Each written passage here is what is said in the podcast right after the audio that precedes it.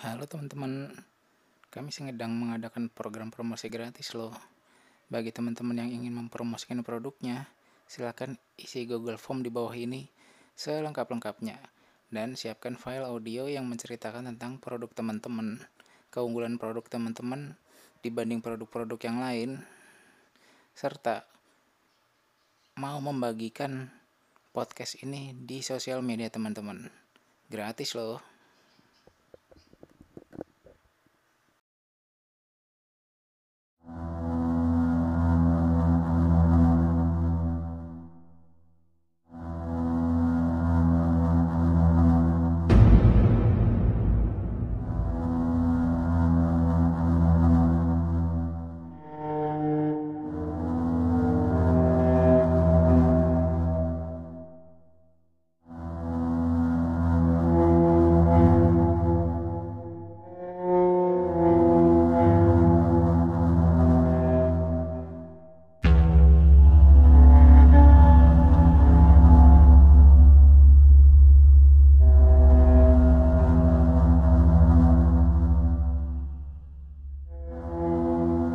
Assalamualaikum warahmatullahi wabarakatuh Sobat Kembara Sunyi di mana pun berada Pada kesempatan kali ini Saya akan bercerita tentang sebuah pengalaman Dari Sobat Kembara yang bernama Dayat di mana kisah ini diawali dengan kejadian yang pernah dialami oleh Pak D-nya Dayat yang ada di Surabaya.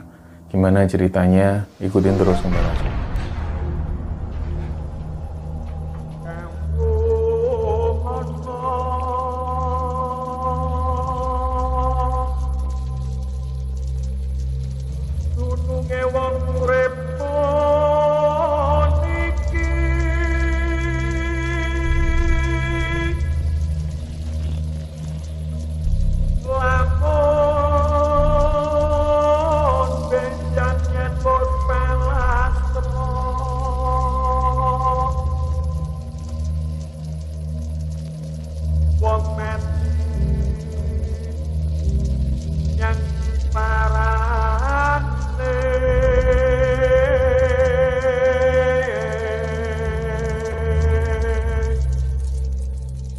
Kisah ini berawal ketika Dayat mempunyai Pak D. Namanya Pak Deyan. Di mana Pak Deyan ini di sekitaran tahun 60-an itu sudah hijrah ke Surabaya. Jadi asalnya beliau ini dari Solo dan kemudian hijrah ke Surabaya dan mulai merintis bisnisnya.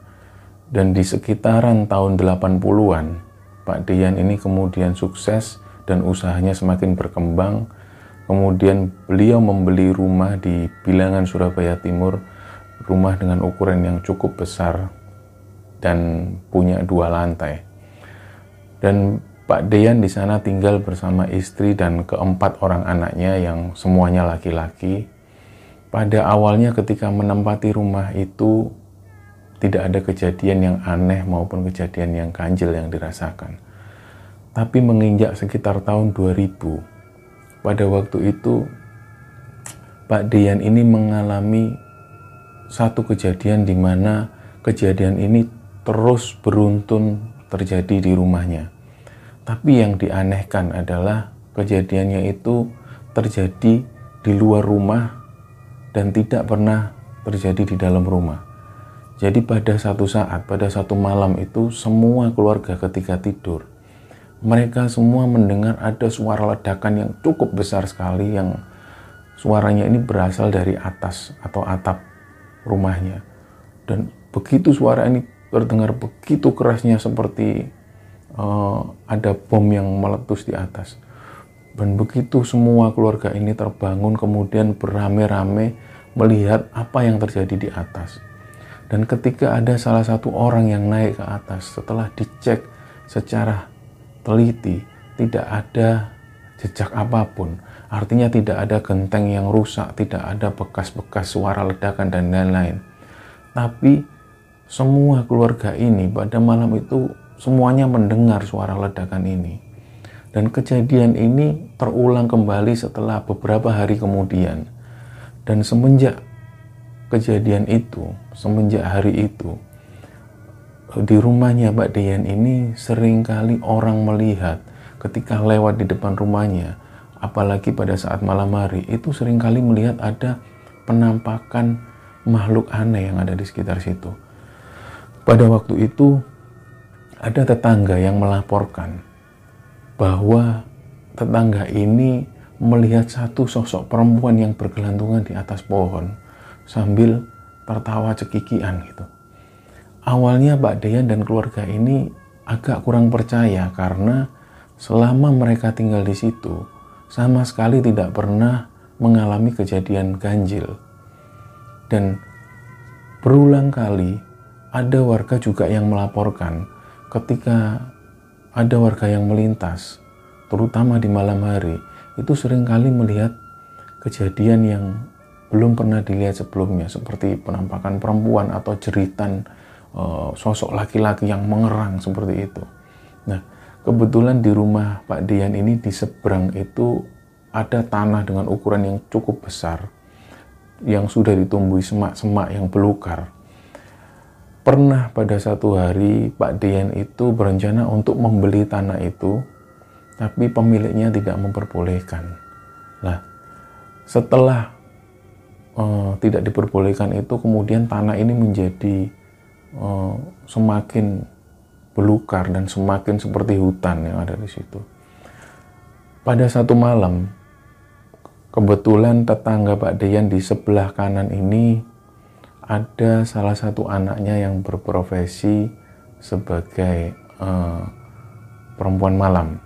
Jadi artinya dia bekerja di salah satu klub di Surabaya, klub malam di Surabaya dan pulangnya selalu dini hari, jam 2 dini hari. Pada saat itu perempuan ini pulang dengan mobilnya dan ketika sampai di depan rumah persis, ini bel rumahnya dipencet berkali-kali tapi dari dalam rumahnya tidak ada respon sama sekali. Kemudian perempuan ini memutuskan untuk tidur di dalam mobil malam itu dan dengan jendela kaca mobil yang dibuka sedikit agar udara bisa masuk dan keluar pada saat dia tidur, belum lama setelah dia tidur itu dari arah kanan pintu mobil itu seperti ada yang menggedor. Krak, krak. Nah, sontak kemudian perempuan ini terbangun dan kaget. Dan begitu dia menatap ke arah jendela itu, ada sosok perempuan yang sambil melotot ke arah cewek ini. Dia melotot dengan wajah yang sudah apa ini tidak karu-karuan gitu loh dengan wajah yang menyeramkan. Pada saat itu cewek ini kemudian menstarter mobilnya dan kemudian pergi dari situ. Pagi harinya kemudian berita ini menyebar ke seluruh kampung bahwa dia semalam ditakutin oleh sosok perempuan yang menyeramkan. Nah, ada lagi satu kejadian di mana ketika ada orang-orang yang ronda dan keliling kampung. Pada saat itu ketika melewati rumah Pak Deyan ini, tiga orang yang ronda ini, mereka melihat ada sosok besar yang seperti duduk di atas pagar, tapi dengan ukuran tubuh yang sangat besar. Awalnya tiga orang ini kaget dari kejauhan, itu kayak orang atau kayak binatang, dan semakin lama didekati, itu sosoknya seperti melotot dengan mata yang merah dan seperti mengeram. Oh, oh. Tiga orang ini kemudian lari, keesokan harinya beritanya mulai menyebar lagi. Nah, dengan kejadian yang sering kali banyak kejadian yang aneh, membuat Pak Deyan itu terus berpikir, kira-kira ada apa dengan rumah ini? Padahal ketika Pak Deyan menempati rumah itu di sekitaran tahun 80-an sampai tahun 2000 tidak pernah terjadi kejadian ganjil apa pun. Tapi ketika menginjak tahun 2000-an ke atas ketika bisnisnya Pak Deyan ini semakin berkembang, semakin sukses. Begitu banyak eh, hal-hal atau keganjilan yang dialami terutama oleh orang luar, bukan dari keluarganya. Suatu malam eh, karena anak Pak Deyan ini laki-laki semua dan sudah menginjak ada yang menginjak eh, di bangku kuliah. Suatu hari, suatu malam itu ada teman-teman kuliah dari salah satu anaknya ini yang nginep di rumah tersebut. Dan kemudian karena kamarnya ini tidak cukup kemudian mereka menggunakan lantai dua, di mana di lantai dua ini terdapat seperangkat alat-alat gamelan di situ. Alat-alat gamelan yang usianya sudah cukup tua, itu didapatkan oleh Pak Ian ketika uh, beliau berkunjung ke Jogja dan ada salah satu koleganya yang ada di Jogja ini uh, menyerahkan gamelan ini dengan harga yang sangat murah pada waktu itu. Dan usia gamelan ini sudah cukup tua. Ada di lantai dua. Dan ketika itu teman-teman dari anaknya Pak Ian ini menginap di sana. Dan karena dia tidak tidur di kamar jadi mereka tidur di lantai di samping peralatan gamelan itu. Dan ada salah satu orang anak yang kemudian dia memilih tidur persis di bawah gong jadi pada peralatan gamelan ini ada satu alat yang namanya gong yaitu oh, alat pukul yang ukuran cukup besar. Dia tidur di situ dan pada saat malam hari ketika mereka semua sudah tertidur, tiba-tiba gong ini seperti ada yang memukul dong dan sontak semua ini yang ada di ruangan itu terbangun dan kaget terutama dia yang tidur persis di bawah gong itu. Ketika dia kaget. Jadi dia menoleh ke kanan ke kiri, tidak ada satupun orang yang memukul. Tapi gong ini masih bergetar setelah dipukul. Pada saat itu semua takut kan. Terus tanya, ngapain kamu malam-malam memukul-mukul gong? Dia tanya ke anak yang tidur di bawah gong ini. Nah dia bilang, loh aku ini tidur, aku tidak memukul gong. Aku juga kaget siapa yang mukul. Akhirnya karena mereka takut, mereka berkumpul di tengah dan kembali melanjutkan tidurnya. Nggak lama kemudian, belum lama mereka tidur, gong ini berbunyi lagi dengan suara yang lebih kencang. Dong, pada saat itu mereka terbangun semua dan kaget lari, kemudian turun ke bawah dan mereka melanjutkan tidur di lantai bawah.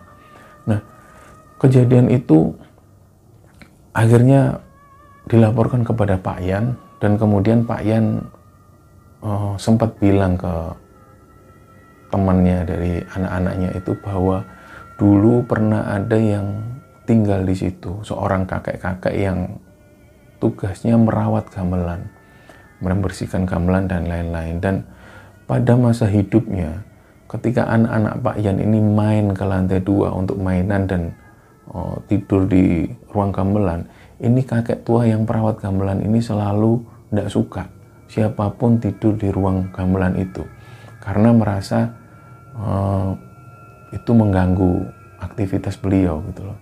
Nah, sepeninggal orang tersebut ketika beliau sudah meninggal itu tidak pernah ada gangguan apa pun. Tapi ketika ada yang tidur di ruang gamelan atau menghabiskan seharian di ruang gamelan itu selalu ada gangguan, entah gamelan ini bunyi dengan sendirinya atau ada yang memukul atau tiba-tiba ada bau yang tidak sedap seperti itu. Kejadian ini pun berlanjut. Ada satu kejadian di mana Pak Ian ini mengalami sakit yang sangat di bagian kepalanya. Dan pada saat dibawa ke rumah sakit, pihak rumah sakit ini tidak berhasil untuk mengidentifikasi penyakitnya Pak Ian. Tapi ketika pulang, Pak Yan ini merasakan sakit kepala yang sangat sakit sampai beliau ini tidak bisa bangun dari tidurnya. Akhirnya ada salah satu orang anaknya yang menyarankan untuk dibawa ke pengobatan alternatif di daerah di luar Surabaya, perjalanan hampir satu jam dari kota Surabaya, tapi pada saat itu Pak Yan tidak mau dan lebih memilih untuk uh, menyembuhkan sakitnya dengan caranya sendiri, beli jamu dan lain-lain. Nggak lama kemudian setelah beberapa minggu berjalan, Pak Yan ini tiba-tiba uh, sembuh dari sakitnya itu. Dan ketika waktu berjalan, Pak Yan ini merasakan sakit lagi di bagian perut, di mana perutnya ini seperti di uh, apa ini perutnya seperti dipegang oleh sesuatu dan seperti diremas oleh sesuatu. Dan ketika Pak Yan merasakan sakit itu, Pak Yan ini sudah nggak bisa beraktivitas seharian itu. Dan sore hari ketika setelah maghrib, ini Pak Yan sudah nggak lagi merasakan sakitnya itu. Tapi keesokan harinya lagi-lagi Pak Yan merasakan sakit yang seperti itu. Dan anaknya sekali lagi menyarankan Pak Yan untuk berobat di pengobatan alternatif yang dia maksud itu tapi lagi-lagi Pak Yan tidak mau karena sakitnya Pak Yan ini tiba-tiba selesai begitu saja dan nggak lama. Suatu kali ada seorang ponakan Pak Yan yang dari Solo namanya Dayat. Nah kebetulan Dayat inilah yang menceritakan cerita ini. Jadi ketika Dayat merantau ke Surabaya, ketika dia melanjutkan uh, kuliahnya, dia memilih untuk tinggal di rumah Pak Deyan ini. Ketika pertama kali Dayat tinggal di rumah ini, dia memilih untuk tidur di lantai dua, di mana di ruang gamelan itu ada satu kamar yang sudah tidak ditempati, dulunya ditempatin oleh kakek-kakek penjaga itu.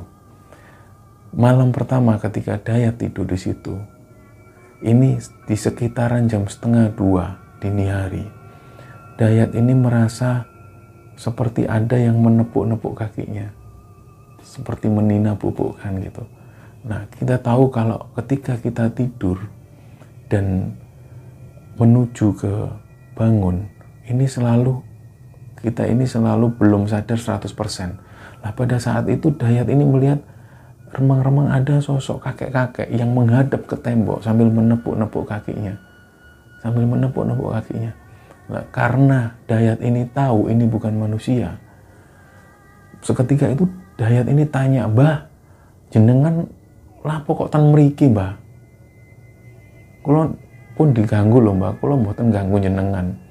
Pada saat Dayat bilang seperti itu, kakek-kakek ini tiba-tiba berdiri dan keluar. Dan yang bikin Dayat ini kaget, kakek-kakek ini keluar dengan cara menembus pintu tanpa membuka pintu. Nah, karena Dayat ini nggak terlalu takut dengan hal-hal seperti itu. Dayat kemudian melanjutkan tidurnya dan keesokan paginya Dayat cerita ke Pak D, Bude dan uh, sepupu-sepupunya bahwa semalam dia didatengin sosok kakek-kakek dengan pakai celana pendek dan menepuk-nepuk kakinya gitu. Nah, keesokan harinya ketika Dayat kembali tidur di kamar itu di tengah malam Dayat ini mendengar ada suara gamelan yang sedang dimainkan ada satu alat yang namanya bonang. Pada saat itu bonang sedang dimainkan pelan, perlahan gitu. Nah, sekali lagi Dayat uh, berpikir, ini siapa yang main bonang di tengah malam seperti ini? Nah, ketika Dayat membuka pintu dan langsung menghadap ke arah ruang gamelan, tiba-tiba suara bonang ini nggak terdengar lagi, senyap gitu aja. Kembali lagi Dayat menutup pintunya dan melanjutkan tidur. Dan pada saat tidur itu, dari arah ruang gamelan, itu Dayat mendengar seperti ada orang yang nembang. Jadi ada suara seperti kakek-kakek yang sedang menembangkan lagu-lagu Jawa. Dan dia juga mendengar samar-samar. Ini ada suara kakek-kakek yang nembang. Dan suara ini berasal dari ruang gamelan itu kembali lagi Dayat membuka pintu dan menghadap ke arah ruang gamelan itu ternyata sunyi sepi, nggak ada apa pun, nggak ada aktivitas apa-apa dengan ruangan gamelan yang gelap gitu. Nah hari pun berlalu, ketika itu Pak Dedayan ini, Pak Deyan ini mengalami sakit di bagian kakinya, di mana ketika itu kakinya seperti kesemutan yang teramat sangat sampai membuat dia sakit dan nggak bisa jalan. Jadi berhari-hari Pak Deyan itu berjalan dengan kaki yang terseret gitu loh. Nah, lagi-lagi uh, anak Pak Deyan ini menyarankan untuk berobat ke pengobatan alternatif ini. Tapi kali itu Pak, De, Pak, Pak ini nggak mau. Nah, Dayat ketika mendengar usulan dari anaknya, kemudian Dayat ini juga memberi motivasi ke Pak Deyan Nggak apa-apa Pak D, lebih baik Pak D berobat aja biar tahu. Siapa tahu nanti bisa sembuh dan nggak mengalami sakit-sakit lagi. Nah dengan dorongan diet akhirnya mereka bersama-sama menuju ke pengobatan alternatif yang dimaksud. Mereka pun berjalan naik mobil bareng-bareng sekitar satu jam perjalanan dari luar kota Surabaya sampailah mereka ternyata yang didatengin ini adalah seorang ustadz di mana Ustadz ini uh, lebih terkenal di daerahnya sering mengobati orang-orang yang sakit dan sering kali tidak mau dibayar. Pada saat Pak Deyan ini datang, Ustadz ini langsung seperti melihat kaget. Astagfirullahaladzim, Pak, monggo Pak Pinara Pak. Jadi dipersilahkan duduk dan tiba-tiba Ustadz ini bilang seperti ini, Pak, ya Allah Pak, Bapak ini ada yang nggak suka. Dan orang yang nggak suka dengan Bapak ini, ini berniat jahat dan ingin menghancurkan keluarga Bapak.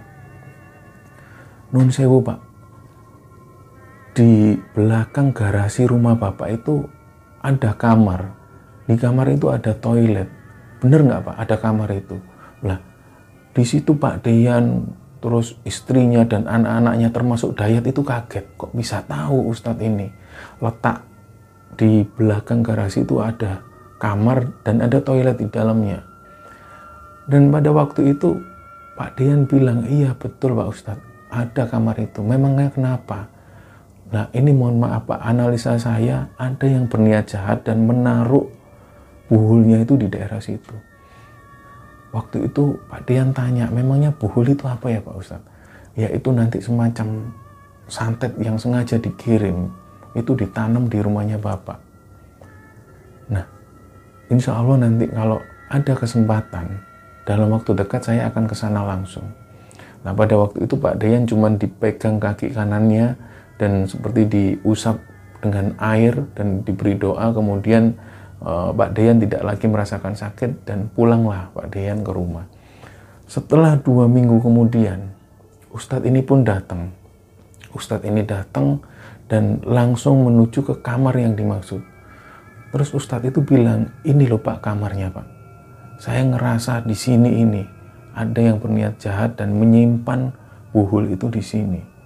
Nah, kamar ini dari tahun 80-an ketika Pak Dian membeli rumah ini, ini ditempati oleh seorang pembantunya Pak Dian yang di mana pembantu ini juga masih saudara Pak Dian.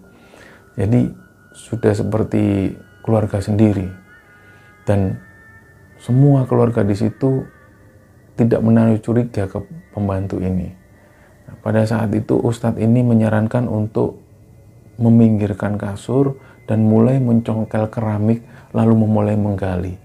Pada waktu itu ada tetangga yang merupakan tukang bangunan yang dipanggil khusus untuk menggali kamar tersebut. Jadi ketika keramik ini mulai dicongkel, kemudian orang ini menggali tanah itu dan sampai kedalaman sekitar satu meter lebih belum menemukan keanehan apa pun.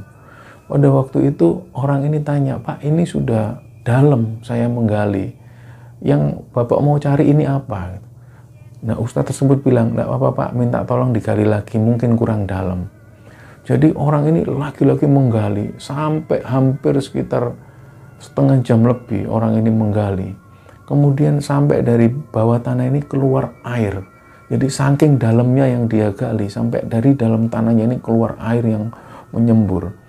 Dan Ustadz lagi-lagi bilang, Pak, jenengan kalau capek istirahat dulu, nanti dilanjutkan lagi. Orang ini pun kemudian istirahat dan air dari dalam ini semakin menyembur. Kemudian banyak orang yang membantu mengeluarkan airnya.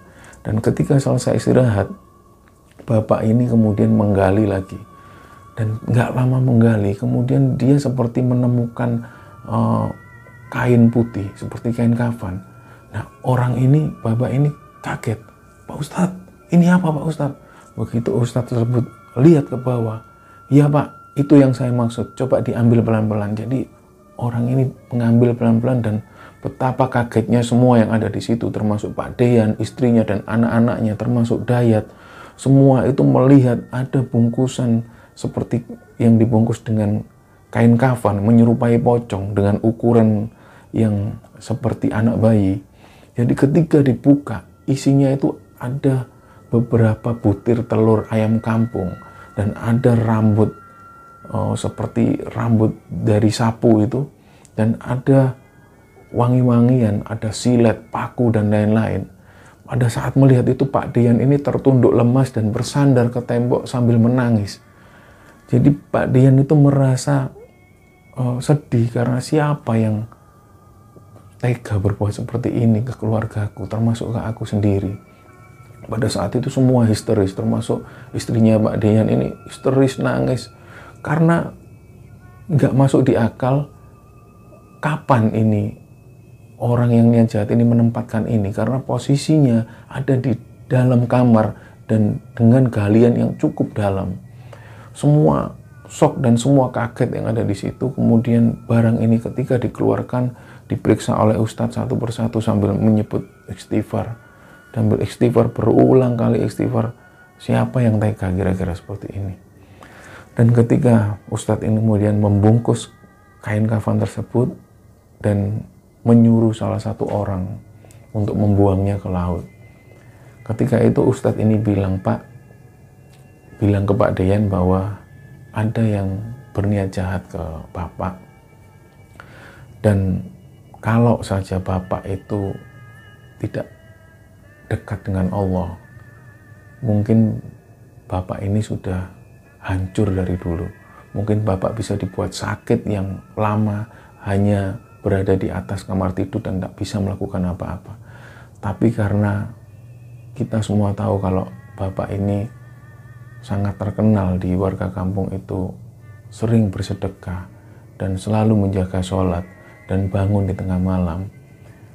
Akhirnya santet yang dikirimkan orang ini tidak menyerang secara keseluruhan. Tapi ada satu telur yang sudah pecah di situ. Jadi di antara banyak telur, itu ada satu telur yang sudah pecah. Dan ustadz tersebut berkata bahwa satu telur ini bisa jadi menyerang anaknya bapak atau salah satu keluarga yang ada di sini. Mungkin bisa jadi dia mau mematikan keturunan. Dia rencananya akan membuat anak bapak atau keluarga bapak ini tidak bisa mempunyai keturunan atau bisa jadi merusak rumah tangganya. Jadi tujuannya seperti itu dan ini ada satu telur yang sudah pecah. Dan entah kebetulan atau tidak, ada salah satu uh, sepupu dari ada salah satu ponakan dari Pak Dian ini yang kebetulan rumah tangganya hancur. Dulunya ponakan ini tinggal di rumah situ dan ketika menikah juga tinggal di situ dan beberapa tahun kemudian bercerai dengan istrinya dan sampai hari ini belum juga diberi keturunan semua keluarga tertuju ke anak ini dengan adanya telur yang sudah pecah itu. Kemudian setelah dibuang, Ustadz tersebut berbilang ke Pak Deyan bahwa ketika ada buhul yang ditanam di sini, pada saat itulah sering ada kejadian-kejadian yang aneh. Nah, pada saat itulah Ustadz tersebut tanya, ada kejadian apa di rumah ini Pak yang menurut Bapak dan keluarga ini aneh?